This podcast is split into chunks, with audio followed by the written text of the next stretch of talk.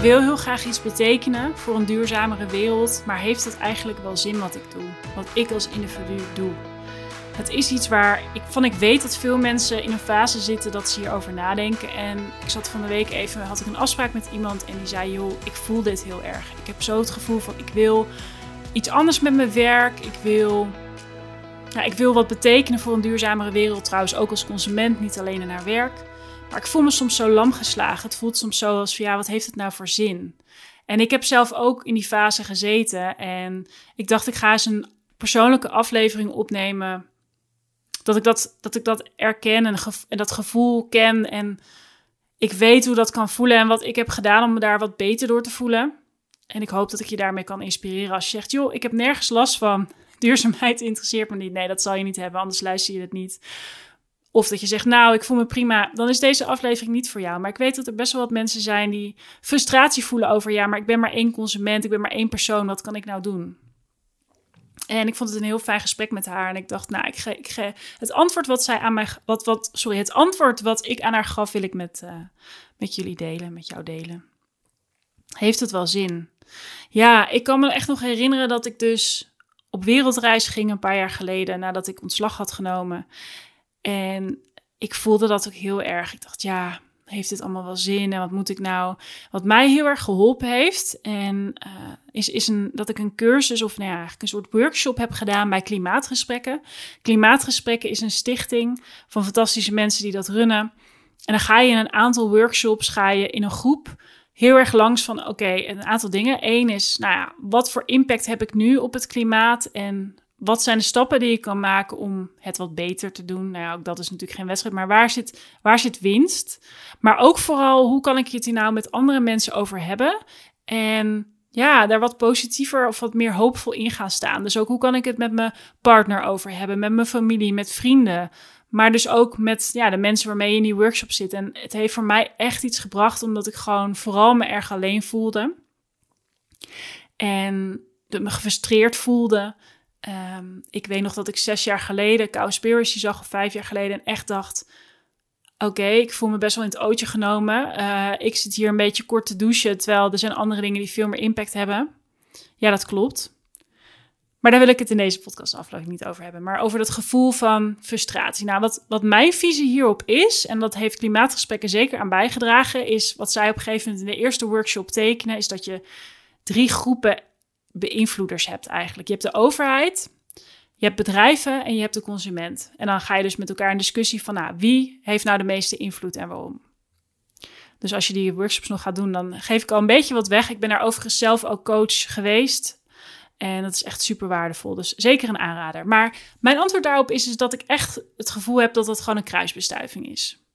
Kijk, ik heb niet de ambitie om in de Tweede Kamer te gaan. Um, mensen die mij goed kennen, die, uh, die zeggen ook dat moet jij niet doen, want dat gaat je opbreken. Ik ben niet zo goed in politieke spelletjes.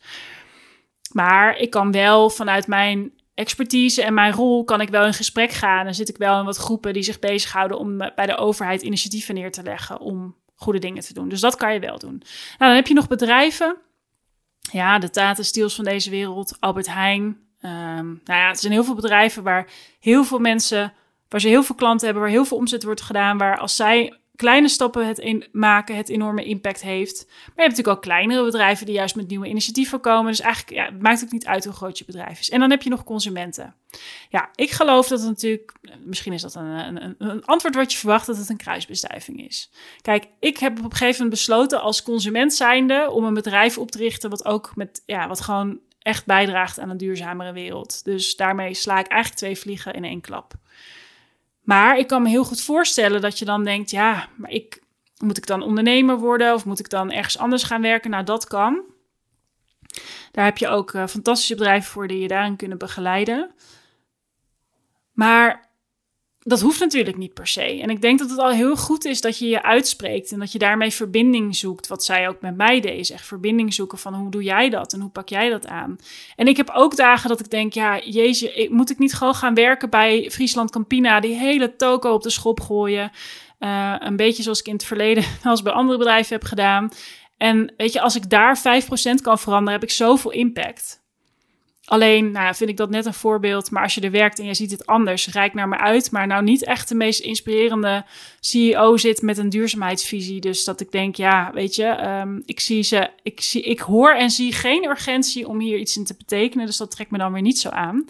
Maar ik heb wel projecten gedaan bij grote retailers. Ja, en dat heeft natuurlijk enorme impact. Aan de andere kant zitten er ook kleinere spelers die ja, waar ik echt denk, jeetje, die hebben zoiets moois in handen. Die kunnen de nieuwe vegetarische slager of de nieuwe Oatly worden.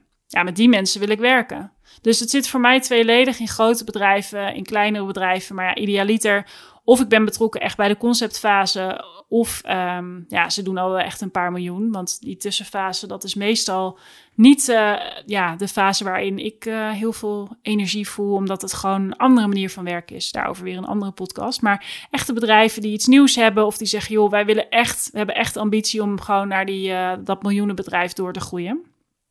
Maar ja, weet je, heeft het wel zin? Nou ja, sowieso, um, ja, het heeft zin. Dus ga heel erg nadenken over, nou, kan ik in mijn bedrijf bijvoorbeeld iets doen? Dus kan ik in het bedrijf waarin ik nu werk, kan ik daar initiatieven nemen? Kan ik bijvoorbeeld eens in gesprek gaan of we de kantine wat kunnen verduurzamen? Of kan ik eens in gesprek gaan over, hey, waarom gebruiken wij Braziliaanse kip? Kunnen we niet Europese kip gebruiken als dat duurzamer lijkt?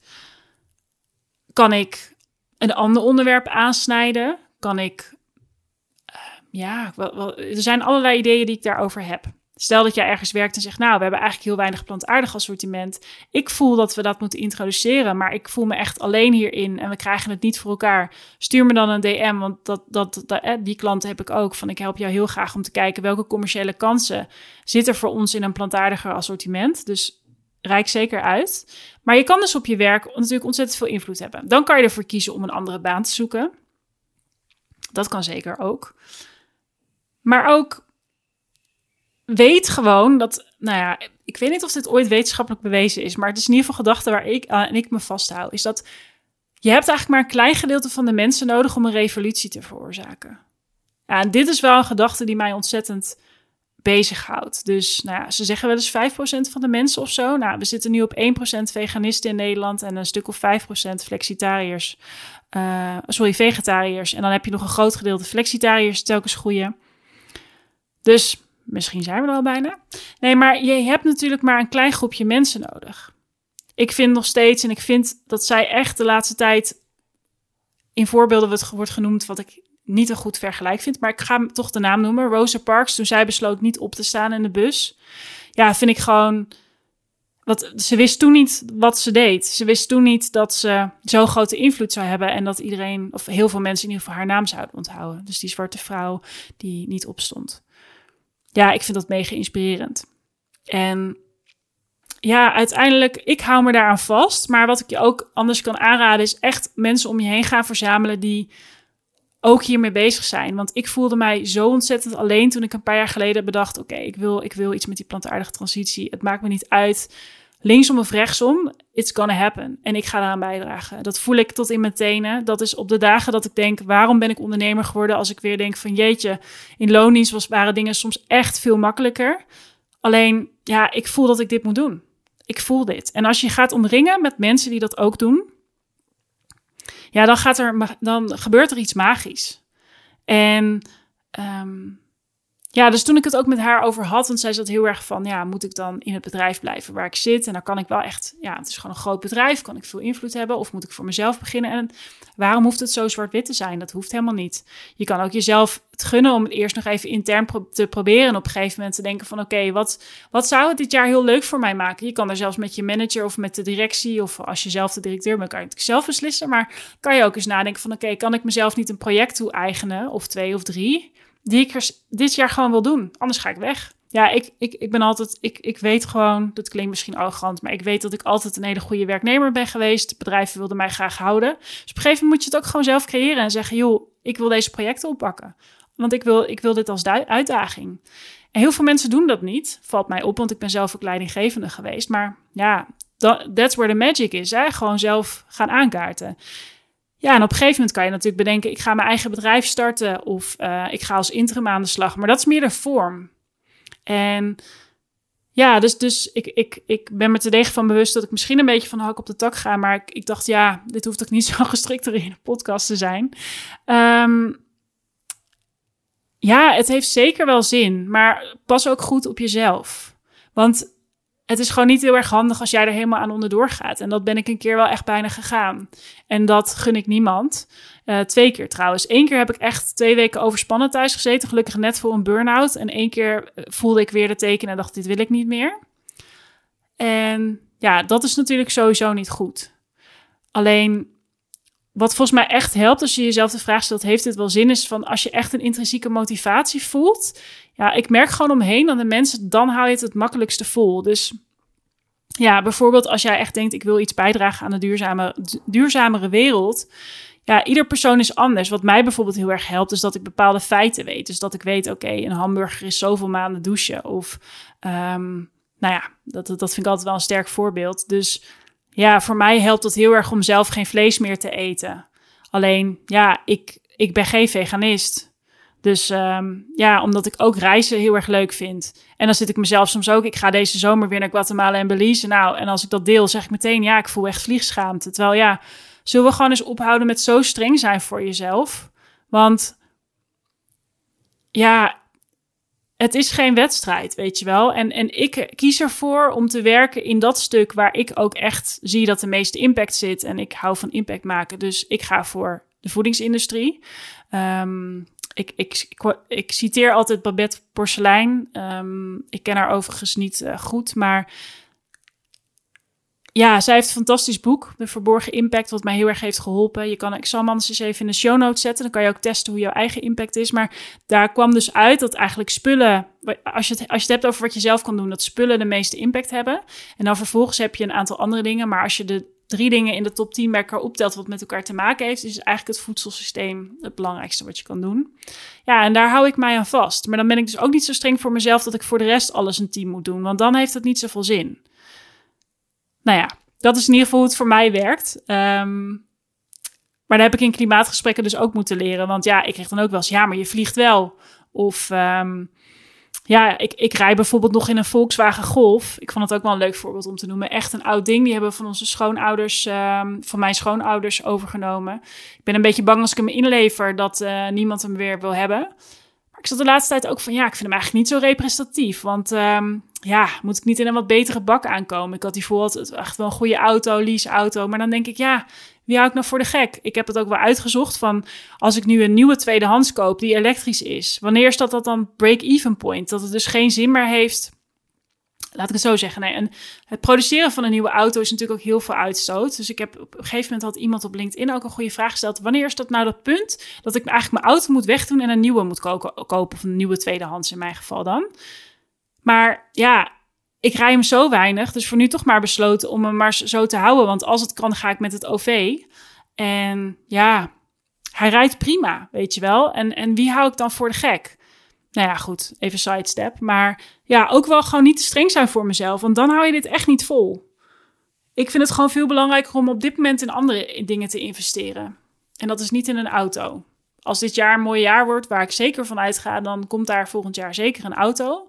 Maar op dit moment is dat niet zo belangrijk. en heeft het wel zin? Ja, mij heeft het dus heel erg geholpen om, om gewoon te kijken van waar zit mijn meeste impact. Nou, en dat zit voor mij in voedsel. En dat heeft dus wel zin. Want weet je wat het ook is? Ik krijg regelmatig berichten van mensen, of ik stond laatst ook op een, uh, op een event en dan kwamen mensen naar me toe. Ja, ik vind jou echt inspirerend en dit en dat. En ik denk, maar ik heb jou nog nooit in mijn DM gezien ja, misschien heb je wel eens een bericht gelijk, maar ik heb je nog nooit gesproken. Wat super tof. Want soms dan krijg je ineens een berichtje. Oh, wat een goede podcast. En ik denk, ja, bijna nooit uh, uh, hebben mensen op die specifieke podcast gereageerd. Dus weet ook wel dat, dat je niet altijd doorhebt hoeveel impact je kan maken als persoon. En daar wil ik eigenlijk een beetje mee afronden. Dat ik had op een gegeven moment een manager die kwam na een jaar naar me toe. Ja, ik heb dit gekocht. Ja, dat kwam echt door jou. Ik dacht, oh, wat tof, weet je wel. En dat is echt dat ripple effect. Dus, dus denk aan Rosa Parks, weet je. Je hoeft niet meteen...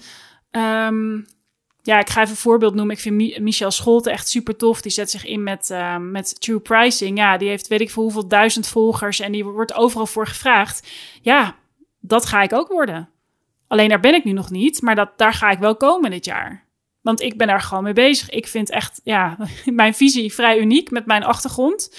Ja, en daar moet je wel aan werken. Dus ja, heeft het wel zin? Ja, maar je moet wel ergens beginnen. En, en je moet op een gegeven moment, ja, gaat, moet je dat ripple effect gaan vormen. Dus alsjeblieft, als jij goed bent in wat je kan en, en, um, en je hebt een ambitie en je hebt een visie, ja, ga hiermee aan de slag. En stuur mij anders, serieus, stuur mij een berichtje als je denkt, ja, ja, heeft het wel zin? Stuur me gewoon een berichtje, even los van wat ik met mijn bedrijf doe. Maar ik vind het ook echt belangrijk, omdat ik die inspiratoren onwijs heb gemist. Ik merk dat ik gewoon een beetje, ja, uh, kippenvel krijg, maar die inspiratoren best wel heb gemist toen ik mijn bedrijf startte. Omdat ik gewoon echt niemand kende die hiermee bezig was. Maar ze zijn er wel, alleen ik ben ze echt gaan opzoeken. Dus stuur me echt een berichtje.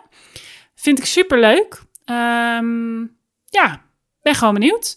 En uh, des te meer mensen hiermee bezig gaan, dan komt het vanzelf. Die 5% dus waar we het over hadden. Nou, en je ziet het al bij jongeren, die willen ook uh, bij bepaalde bedrijven niet meer werken. Ik zeg niet dat dat de oplossing is. Maar ja, zo heeft iedereen een rol te pakken. En uh, houd het vooral ook leuk en fijn voor jezelf. Um, ja. Stuur me een bericht. Dat kan dus via LinkedIn, ben ik eigenlijk het meest actief. Dus dan kan je me altijd even een DM sturen. En het heeft zeker zin ga er, wel, ja, ga er wel mee aan de slag. Want als het alleen maar in je hoofd blijft zitten, dan heeft het niet heel veel zin. En je moet eigenlijk uit je hoofd. Want dat, uh, ja, dan komt er niet heel veel van de grond. Dat was het einde van deze podcast. En ik hoop je hiermee geïnspireerd te hebben. Mocht je, uh, mocht je vaker mijn podcast luisteren en het waardevol vinden, vind ik het super tof als je uh, me even een aantal sterren geeft op Spotify. Of even een beoordeling op Apple, waar je dan ook luistert. Vind ik heel tof en ik doe het graag.